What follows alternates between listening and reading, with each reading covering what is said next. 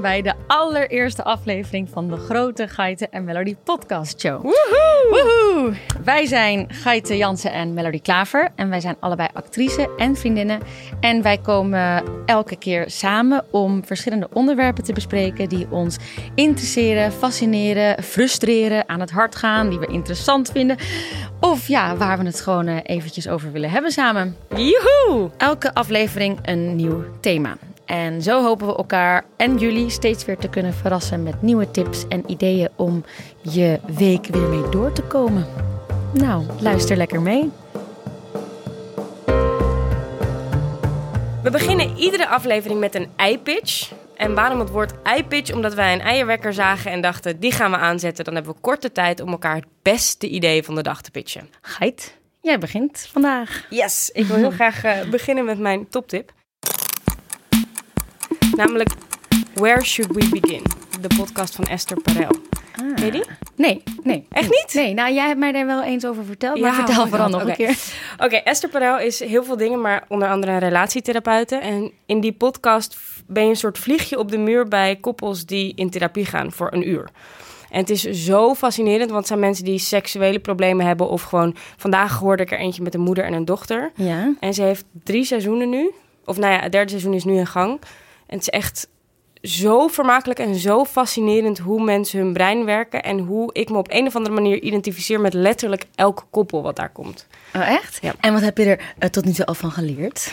Ehm, eigenlijk dat alles normaal is. Zelfs de meest afwijkende Ja, dingen Alles in de relatie. Alles is, komt voor. ja. Mijn eh, allereerste tip van deze podcast is de nieuwe film Judy. Een biografie over Judy Garland. Dat is een van de meest legendarische Hollywoodsterren ooit. Heel indrukwekkend goed gespeeld door Renee Zellweger. Eh, Judy Garland brak als kindsterretje in 1939 door met de gigantische hit The Wizard of Oz. Dat kennen de meeste mensen wel. En eigenlijk werd ze als tiener al aan de dieetpillen en slaapmiddelen geholpen. En daar is ze op haar 47ste ook uiteindelijk aan gestorven. Ehm, en eigenlijk gaat de film een beetje over de la- het laatste half jaar van Judy's leven. En haar leven werd vooral getekend door verslavingen en mislukte huwelijken, depressie en eh, nou ja, wereldfaam met een schaduwzijde. Dus eh, best wel veel ellende. De hoofdrol is naar eigen zeggen de mooiste rol eh, van Renee Zellweger's carrière. Die weer helemaal terug Zij is ook van Bridget Jones, toch? ja, klopt. Ja. zij is vooral bekend inderdaad van Bridget Jones Diary. En ze is ook weer helemaal terug in beeld. Want ze heeft een zes jaar lange break van acteren ge- gehad. Waarom? En ze was, ja, ze was heftig depressief. En ze had ook nog een soort van foutje qua plastische chirurgie, volgens Dat weet ik nog. Dat zij er heel anders uitzag op een ja, gegeven moment. en dat konden mensen ook niet helemaal plaatsen. Maar daarom vind ik het juist heel erg vet dat eh, zij nu eh, deze rol heeft gekregen. Want ik vind het altijd heel erg vet als, eh, ja, als, als een regisseur een onverwachte of gewaagde castingkeuze maakt. En zij heeft deze kans gewoon aangegrepen en opgevreed. Opgefroten, hoe noem je dat? Ehm, anyway, de media voorspelt zelfs een Oscar-nominatie. En ik vind dat niet meer dan terecht. Dus vet. welcome back, Renee. Eh, Judy eh, deze week, hij draait volgens mij al. Dus ga gewoon. Ja, hij draait sowieso, want ik heb hem gezien. Hij draait. Oké, ik ga hem zien.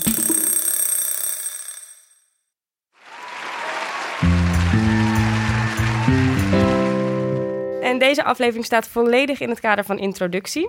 En hoe kunnen wij onszelf en wat we doen beter introduceren dan met een rondje? Brrrr. Wie zijn wij en wat is waar? Yes. Alright. We hebben het internet afgespeurd op eh, roddels en gossips over elkaar. Om te kijken wat echt is en wat niet echt is. Nee. Melody Klaver. Oh. Ik las Wat dat jij. Ja, ik las dat jij al van jongs af aan werkzaam bent als actrice. Dat je al op je veertiende speelde in de eh, speelfilm Diep. En daarmee kreeg je direct een Gouden Kalf-nominatie. Wat je de jongst genomineerde ooit maakte voor een Gouden Kalf. Maar wacht heel even twee seconden. Wat is een Gouden Kalf? Een Gouden Kalf is ehm, ja, eigenlijk de Dutch Academy Award. Dus eh, zoals de Oscars de Academy Award, Award zijn van Amerika... zijn de Gouden Kalveren dat voor Nederland. Dus dat wordt gekozen door de academie. Alright. En dat zijn weer 700 mensen uit het vak. 700? Zijn er zoveel mensen in het vak? Nou, dat moeten we even Goed, I don't know. Ik ben Gaan we niet... even eh, researchen. Ehm, daarnaast speelde je ook nog in films als Langer Licht, Afblijven, Schemer. Dat is waar wij elkaar van kennen. Oorlogswinter, Brasserie Valentijn en Rafael. En bij Rafael won je dit jaar. En dan laat ik alle series en toneelstukken waar je speelde nog even achterwege. En tussendoor haalde je je VWO en je studeerde af aan de toneelacademie in Maastricht. Nou, klopt. Dit klinkt alsof jij nooit vrij bent. Klopt dat? Nou, ehm, dat eh, klopt niet helemaal. Ik ben zeker genoeg vrij tussendoor. Ehm, nee, dat is misschien inderdaad een grappig eh, vooroordeel wat mensen hebben van acteurs in Nederland. Dat als je op tv bent, dat je dan ook de hele dag, elke dag op een set staat. Ehm, nou, een jaar heeft 365 dagen en je staat per film ongeveer 30 draaidagen op een set. Dus moet je nagaan hoeveel films je dan moet draaien. Wil je de hele tijd aan het draaien zijn? Dus nee, dat is niet zo. Maar ik, hoeveel films draai jij denk je per jaar? dat ligt er heel erg aan. Dat ik, heb, ik heb wel eens jaren gehad dat ik vier producties heb. Maar ik heb ook wel eens een jaar gehad dat ik helemaal niks had. Dus het is echt een beetje eh kom zie, kom sa. En de tijd daarnaast vul ik eigenlijk met veel zelf dingen doen. Dus ik Zoals schrijf podcasts Zoals ontwikkelen. podcasts ontwikkelen. ja, nee, klopt. Dus ik schrijf veel. Ehm, binnenkort sta ik weer in het theater. Ehm, Welke ja, voorstelling? Othello van Daria Bukvic. Oh, kunnen we die Eh, ook zien? Ja, natuurlijk. Vanaf januari spelen we, toeren we door Nederland. Ehm, maar daarover vertel ik vast later meer. Maar dat is inderdaad wel grappig dat mensen heel vaak het idee hebben dat je een soort van van de aardbodem bent verdwenen als ze je even niet zien in film of, of televisie. Maar het is gewoon grappig hoeveel andere dingen acteurs ook nog daarnaast doen, wat niet altijd heel zichtbaar is, zoals bijvoorbeeld in het eh, theater staan. Dus dat is misschien wel een, eh, ja, een, een, een vooroordeel waar we nu maar meteen maar even kunnen breken. Ja. Nou, zal ik eens een keer kijken wat ik heb eh, gevonden over Gaite Jansen Ja, op het wereldwijde net.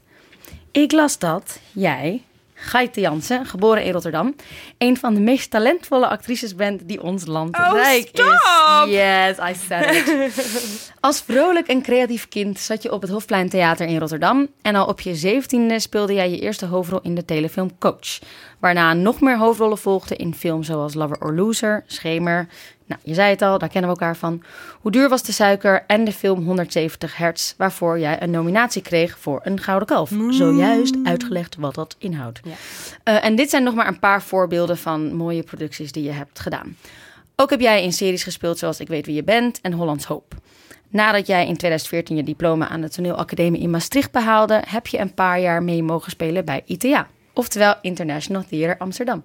Nederland werd iets te klein, dus werd jij als een raket gelanceerd naar het buitenland, waar jij waanzinnige rollen hebt gespeeld in Peaky Blinders en meest recent Jet. Is dat allemaal waar, Geiten? Dat is correct, alleen verpakt in een heel complimenteus jasje. Maar wel helemaal waar. Niks Ja. aangelogen. er is niks aan gelogen. Nee, alles hiervan is waar. Jet is nu nog te zien op Ziggo en Peaky Blinders kan je zien via Netflix. En ehm, ja, klopt. Klopt, klopt. Ik doe- probeer een beetje om in het buitenland ook voet aan de grond te zetten. En dat gaat met horten en stoten, maar het gaat Ja. gelukkig. En dan kaats ik de vraag meteen terug. Eh, heb jij nog wel een moment vrij in je leven die je jezelf vrij gunt of die je vrij krijgt? Ja, zeker. Want eh, als je in het buitenland werkt, dan heeft dat ook als consequentie dat je ehm, soms in Nederland dingen moet eh, ja, afhouden. Ja. Omdat je vrij moet blijven voor mogelijke producties daar. Ja. Dus eigenlijk heeft de hele beslissing dat ik ook in het buitenland wil werken, juist een consequentie dat ik ja, veel meer vrij ben dan dat ik eh, voorheen was. Dat is eigenlijk ook gek. Hè? Je moet dingen, je moet beschikbaar blijven om eventueel een keer niet meer beschikbaar te zijn. Ja, dat is zeker gek. Maar ook leuk, want als je wel mag werken, dan bijvoorbeeld voor Jet zaten we vijf maanden in Canada en dan ben je gewoon in de zevende hemel. Ja. Voor vijf maanden lang. En dan kan je het half jaar daarna dat je niet werkt ook wel weer aan. Ja. Geiten, Ja. ik las dat jij op je vijftiende bent doorgebroken als deodorantmeisje in een Rexona-reclame. Is dat waar? Eh, doorgebroken zou ik het niet willen noemen. maar ik, en ik denk dat ik veertien was. maar Mensen hebben heb het er nog steeds over hoor. Het is een Wie? ja, het is een legendarische rol geweest. Eh, ik heb inderdaad in een Rexona commercial gespeeld toen ik klein was. Met Sasha Visser, die ik winnen. echt gek hot vond toen. Ah ja, dat weet ik Die nog wel. de, de hotte Rexona boy. Sascha, als je dit hoort, hoe gaat het met jou? ja, hoe gaat waar het ben met jij? jou? Kom je een keertje langs? Kom een keer langs. Volgens mij heeft hij een gezin. Heel leuk. Ehm, Melody. Nou, Ehm, ik ben heel bang. Jij hebt volgens mij allemaal hele heftige vragen. nee hoor, ik zal het... nee hoor. Ehm, ik zal een minder heftig doen. Nee, nee, doe. Hier, Een Mel. soort pleister die ik er vanaf moet trekken. Ja. Oké, dan een heftige. Mel, ik las dat je zwanger was. Klopt dat?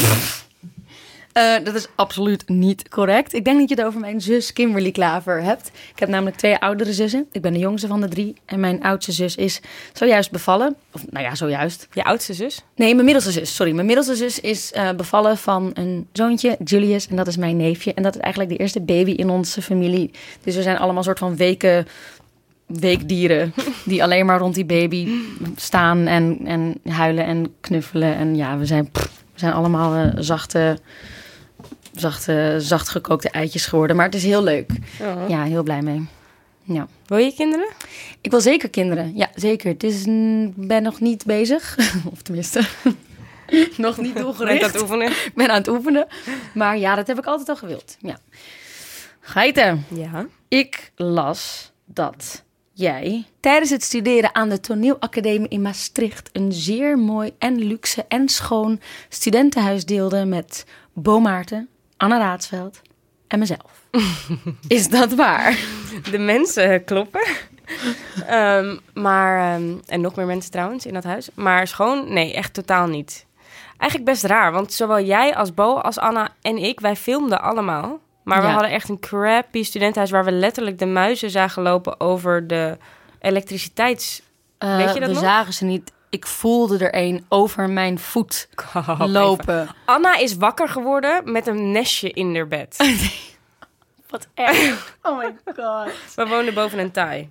Dit kan een kleine ja. verklaring zijn. Dit is Maar, zo eh, heftig. We hadden ook echt zo zo één vies. totaal misplaatste Duitse student die bij ons wonen. Dus Ja, alleen zo klopt vier inderdaad. van die toneelschoolmeisjes met één misplaatste Duitser. Klopt. Die ze eet altijd vijf dagen op het Oh my god. staan. Waar dan de vies. muizen in gingen wonen. Elke keer als mijn ouders langskwamen, gingen ze de wc schoonmaken. Dat zegt ook wel Oh. van... Het was echt zo Hoi heftig. schat! En dan meteen naar de toilet schrobben. Zo vies.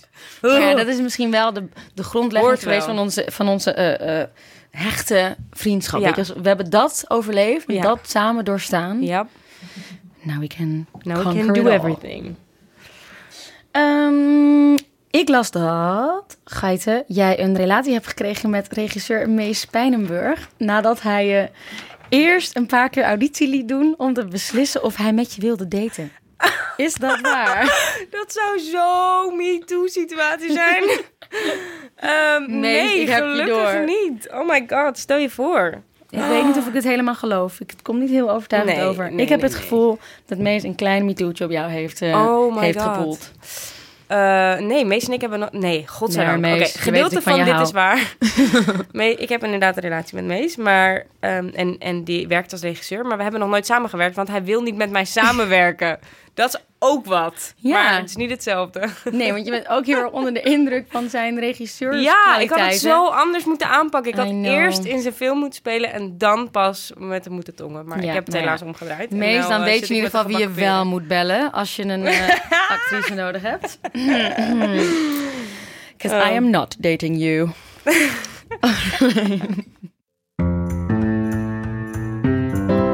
Ehm, Mel, jij hebt dit jaar dus een gouden kalf gewonnen. Nee.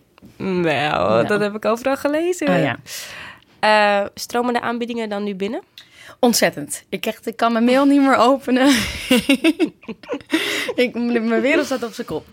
Nee, ik bedoel... ehm, Ziet ja, er ook is heel anders uit. Ik weet niet wat je hebt. Een beetje- soort van beetje- ehm, soort arrogantie meteen. Oh, ja. ar- ar- arrogantie. Ja, Ja, nee, je hebt ook een grote zonnebril op op dit moment. ja, En, een grote hoed. ja, heel Maar veel ik- botox ineens. Ik weet, ja, het- maar ik voel me ook een beetje beter dan jij op dit Is ja, dat snap ik. Nee, ik begrijp Nee. het. Het is toch dat kalf. Ja, maar ik heb hem ook hier staan. Ik neem hem namelijk ook altijd mee. Is hij nou eigenlijk zwaar? Hij is heel zwaar. Ja, klopt. Echt? Oh. Maar wat ik allemaal net heb gezegd, dat klopt natuurlijk hem mee. Om het maar even eh, te verduidelijken. Nee, ja, dat ding is heel zwaar en ik ben er heel blij mee. Het is, het is heel vet. Het doet zeker wat, wat voor je carrière. Ja, dat kan ik niet eh, ontkennen. Ehm, maar ik ben op zich de komende maanden al wel eh, al, onder de pannen. Dus ik hoop dat de aanbiedingen blijven stromen, zodat ik ook daarna kan doorpakken. Als ik weer beschikbaar word. Ehm, nee, ik, het is heel leuk. En ja, het doet sowieso wat voor je zelfvertrouwen ook. En voor je, voor je eigen gevoel. Ik bedoel, niks is vetter dan om een erkenning te krijgen voor iets wat je hebt geleverd. Of iets wat je hebt. Ik bedoel, we, we gaan hiervoor naar school. We willen dit heel lang. Dit is onze droom. Dan komt er zo'n rol voorbij waarvan je denkt: wow, dit is wel de vetste rol die ik ooit heb mogen doen. En dat je dan zoiets ervoor krijgt. Ja, ik kan niet anders zeggen dan dat het gewoon heel vet is. Ja. Dat pakt niemand meer van me af. Zo is dat. Nee. Steek hem in je zak. Ja. Geiten. Ja. Ik las dat jij op de eerste draaidag van Peaky Blinders meteen aan de ballen van je manneke, mannelijke tegenspelers moest zitten. Er staat hier testicles, maar ik dacht, ik zeg gewoon lekker ballen. Want is dat waar? Ehm soort van. nee, ik hoefde er niet aan te zitten, Oh, gelukkig. jammer. nee, nee, nee, zeker niet. Nee, dat zou Vond je eh, dat verontrustend zijn. Oh. Misschien, misschien. Oh. Ehm, nee, ik mocht, ik mocht er naar kijken. In de eerste scène, Hmm. mijn aller, letterlijk eerste opnamedag was dat ik ehm, eh, eigenlijk de jongens nog niet had ontmoet. Niet, niet echt, in elk geval. En de scène was dat er mogelijk achter hun geslachtsdeel tatoeages verstopt zaten... die zeg maar lieten zien dat ze van de verkeerde kant waren. Mhm. En ehm, ja, dus was mijn, mijn, eh, mijn introductie met de, met de boys... was hun blote geslachtsdelen verstopt in sokken. Eh, eh, van, van dichtbij bekijken. Ja. Hele, hele bijzondere introductie. Maar eigenlijk ehm, was het helemaal oké. Het is voor hun denk ik een stuk ongemakkelijker dan dat het voor mij was. Want Ja. daarna op een of andere manier... en, en misschien is dat ook wel weer logisch... was iedereen altijd zo vriendelijk tegen mij. Ja, dat snap ik. Want je hebt alle, alle informatie. Je I kan gewoon chanteren. Jij kan gewoon chanteren. Ja. Ehm, even kijken hoor. Mel, ik las dat jij zelf de privé en RTL Boulevard opbelt als je nieuwtjes hebt die je met ze wilt delen. Oh mijn god.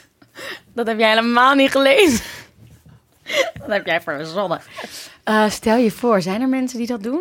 Ja, waarom jij toch? Ja, oh, ik, ja, nee, klopt. Nee, dat is niet waar. Nee, dat is niet waar. Nooit gedaan ook? Nee, maar, nee, maar met, met welk nieuwtje? Volgens mij, als je een nieuwe film hebt of een nieuwe rol, dan, doet je, ag- dan gebeurt het vanzelf.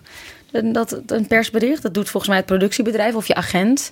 Die, die, ja, die gooit er gewoon een persbericht uit. Maar ik heb nooit zelf gebeld van... eh yo, willen jullie mij aandacht geven? Nee, nee. Jij? Eh, ja, de privé, daar hang ik dagelijks mee aan de lijn, maar ik kom er nooit in. nee, ook niet. Nee, absoluut niet. Nee, Nee. zeker niet. Nee, lijkt me ook... Nee, ik maar was wel is- een keer verbaasd toen ik eh, mezelf in de privé zag. Toen was Ah, ik bij de ja. tandarts en toen was ik de privé aan het lezen, want dat is zo'n plek waar je de privé leest. Yes. En toen ging het heel lang over wat ik aan had. En toen was ik Oh. echt zo, Hoeveel champagneglaasjes kreeg je? Toch, dan word je oh, zo dat weet ik niet meer. Echt? Met hoeveel champagneglaasjes je outfit waard is? Oh, nou heel veel natuurlijk. Nee, ik weet het niet meer. Oh. Maar ik weet nog wel, nee, het was niet zo positief. Dat was niet, hoezo niet? ik weet nog dat het was bij een première van een kinderfilm en ik was daar met mijn neefje en ik had inderdaad niet zoveel aandacht aan mijn uiterlijk besteed, maar daar ging het ook echt ruimschoots over. Ja, Totaal wat lullig. Ja. Maar meestal worden acteurs altijd wel gespaard, toch? In de echte gossip Volgens mij wel. Ik moet eerlijk zeggen, de tandarts en de dokter is Ja. wel waar ik het lees. Precies. Behalve nu ik op zoek was naar jouw dirt. Ja, klopt. Ja, klopt. nou ja, op zich is, wordt mijn dirt wel buiten de deur gehouden. Ik denk Buiten dat, de eh, dirt. Buiten de dirt. De dirt wordt buiten de dirt gehouden. Ehm, ja, nou dan ga ik ook maar even kijken weer of ik nog wat dirt heb gevonden. Oh, dat heb ik zeker. Want Geite, ik las dat jij op je zestiende, dus na je befaamde doorbraak als deodorantmeisje, meedeed aan het programma Ik wil in GTST. Is dat waar? En zo ja, wil je dat nog steeds? Eh, ja, maar again, al- dit was allemaal echt voor mijn zestiende. Ja, toen Eh, wilde je goede tijden. Ja, toen, dit, dit is een van de eerste dingen die ik gedaan heb. Dus ik denk dat ik toen 14 of 15 was. En toen organiseerde, geloof ik, RTL Boulevard een, een goede tijden zoektocht. Voor de nieuwe goede tijd, slechte tijden eh, acteur. Dat En is daar deed ik toen, heel lief. I know, I know. En toen deed ik daar aan mee. En dat was, waren, waren echt gigantische castingdagen. Maar je moet je voorstellen, heel even voor the record. Ik kom helemaal niet uit een theatergezin. Of, Nee. eh, of in de zin van mijn ouders of, of zo hebben helemaal geen connecties met de filmwereld. Ik ben, je hebt hier wel eens bijvoorbeeld mijn vriend. Die is echt geboren tussen andere mensen die in het vak zitten. Ehm, dus die had wat makkelijker... eh, dat je wel eens iemand tuurlijk. tegenkomt die dat ook echt doet. Ik was echt letterlijk achter mijn computer en in de kranten en whatever aan het kijken van... Oké, ik wil acteren, hoe werkt dat? Los Ja. van dat ik op toneelles zat.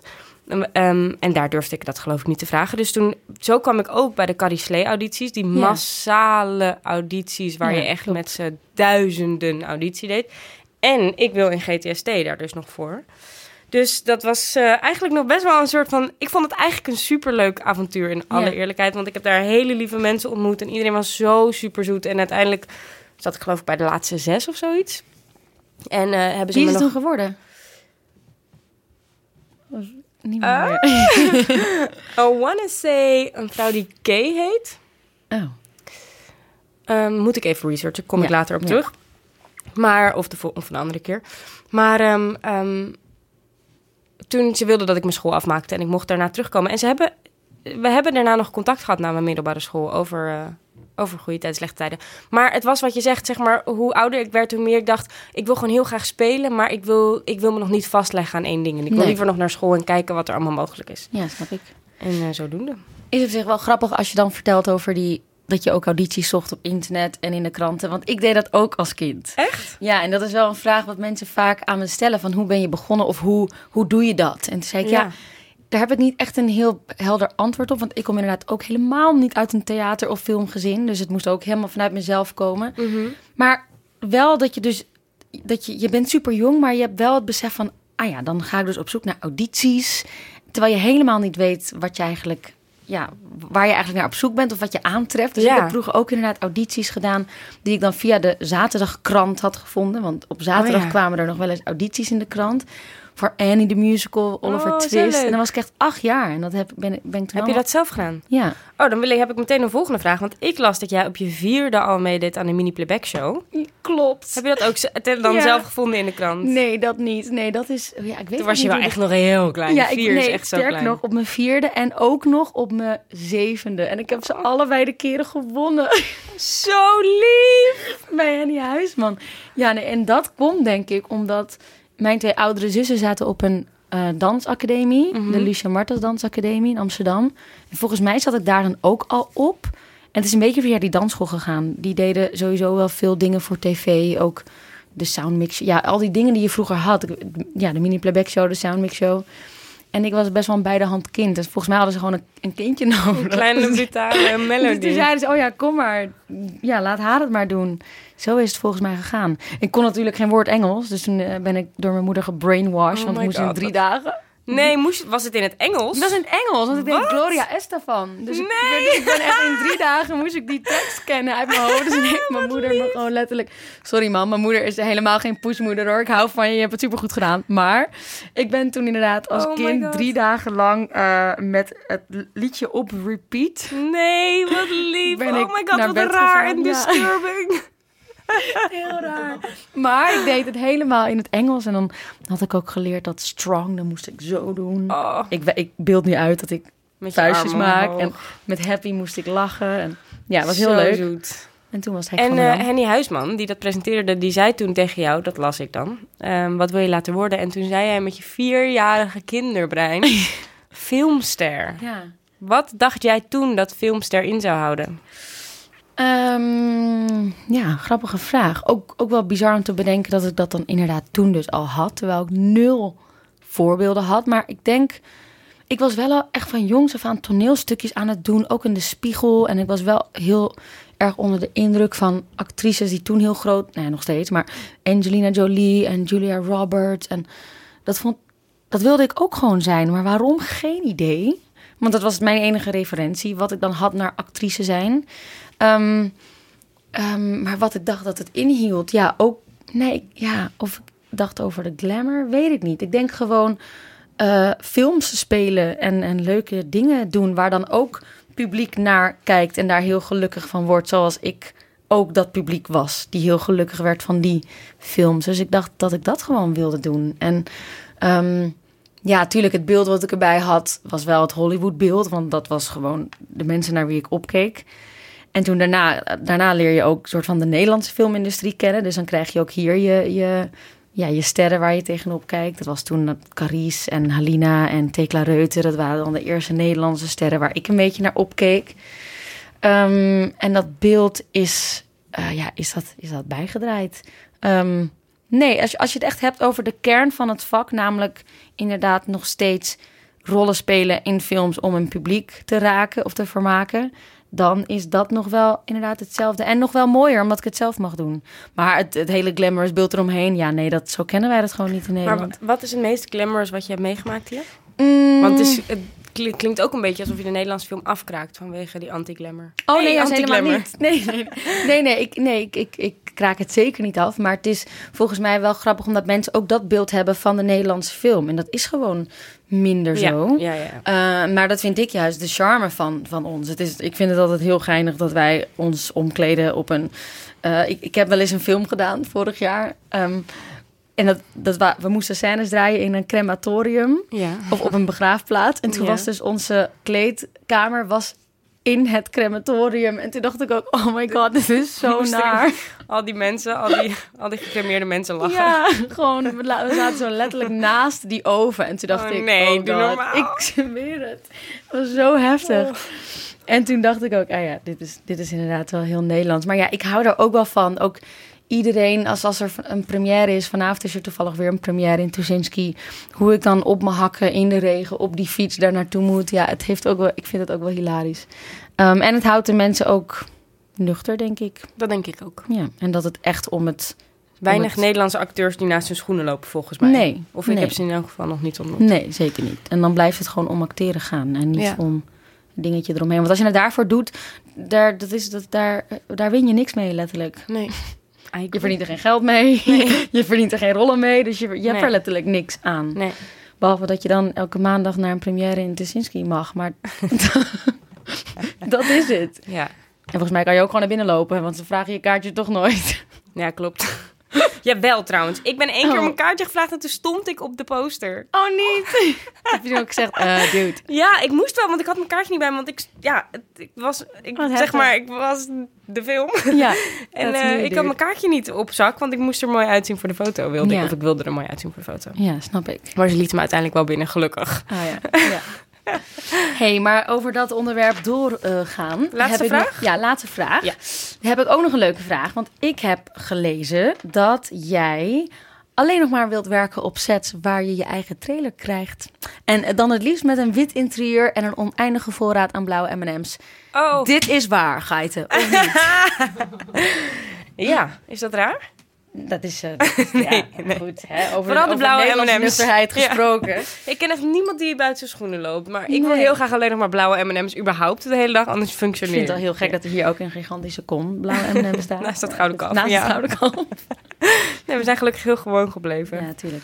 Ehm, nee, natuurlijk niet. Nee, het is wel zo dat er bij Peaky en Jet eh, een trailer, dat ik daar een trailer had zonder blauwe M&M's.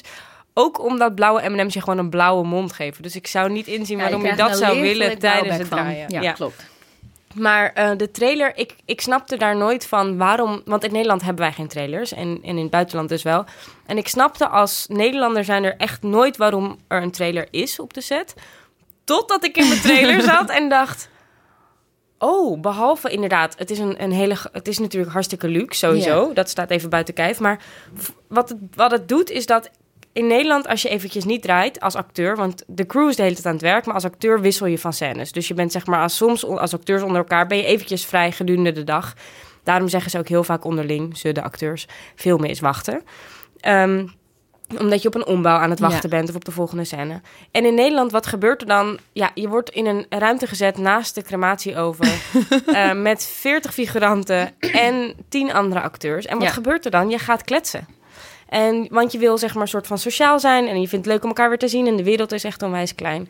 Dus eh, je hebt dan weer met iemand misschien al vier jaar niet gewerkt en die zie je ineens weer. Dus voordat je het weet zit je in iemands scheiding, in iemands huwelijk. En eh, eh, de ander stiekem zwanger en heeft het nog niet tegen de kleuter gezegd. En dan, ja, tien minuten later moet je weer filmen. En dan Ja. moet je het eigenlijk zomaar weer uit je mouw schudden. Eh, de scène die je thuis hebt voorbereid. En wat er in het buitenland gebeurt door die trailers, is dat je gewoon als je aan het werk bent, ben je op de set. Als je niet aan het filmen bent, dan word je naar je trailer gebracht. En Mhm. daar is eigenlijk niks, behalve je tekst. Ja.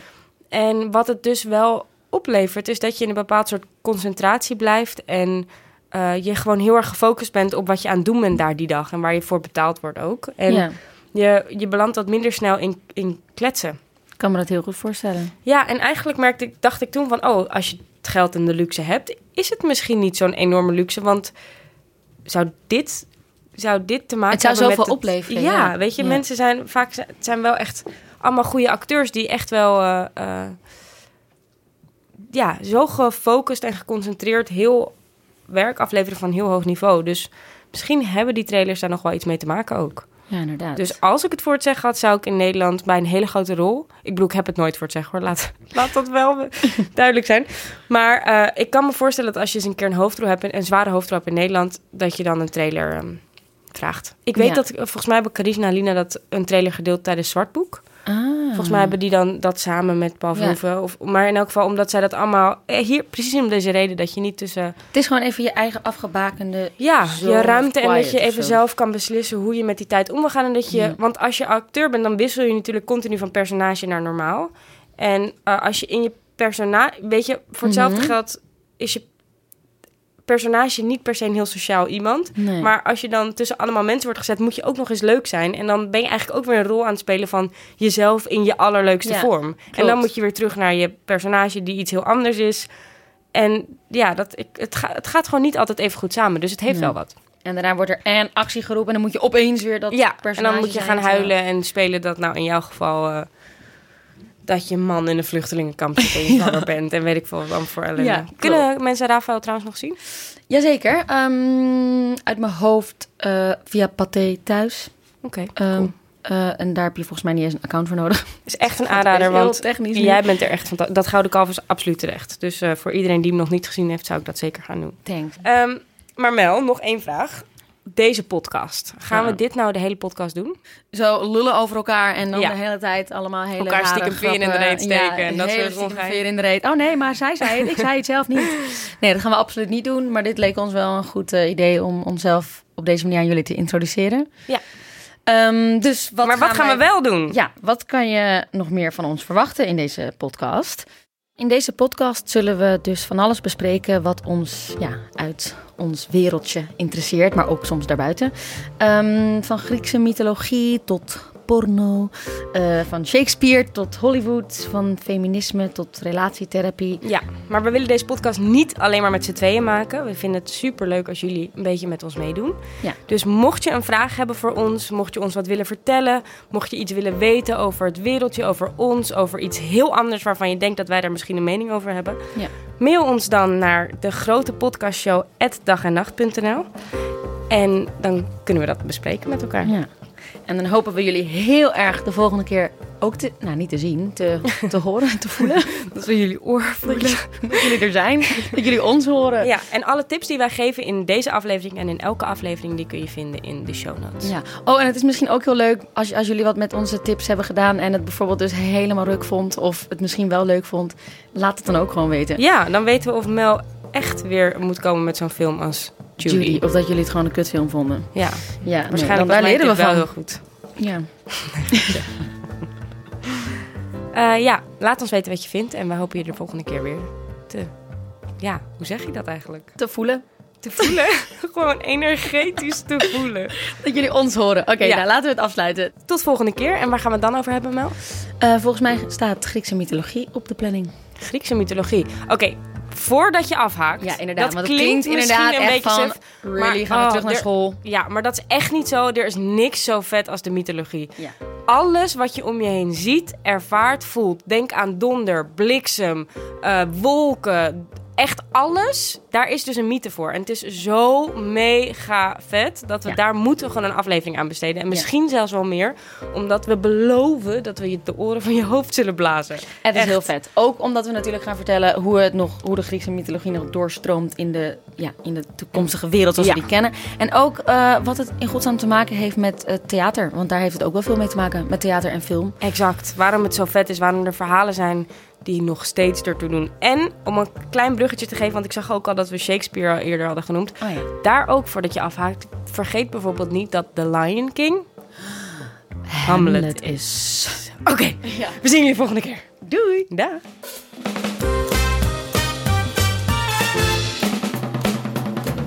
De grote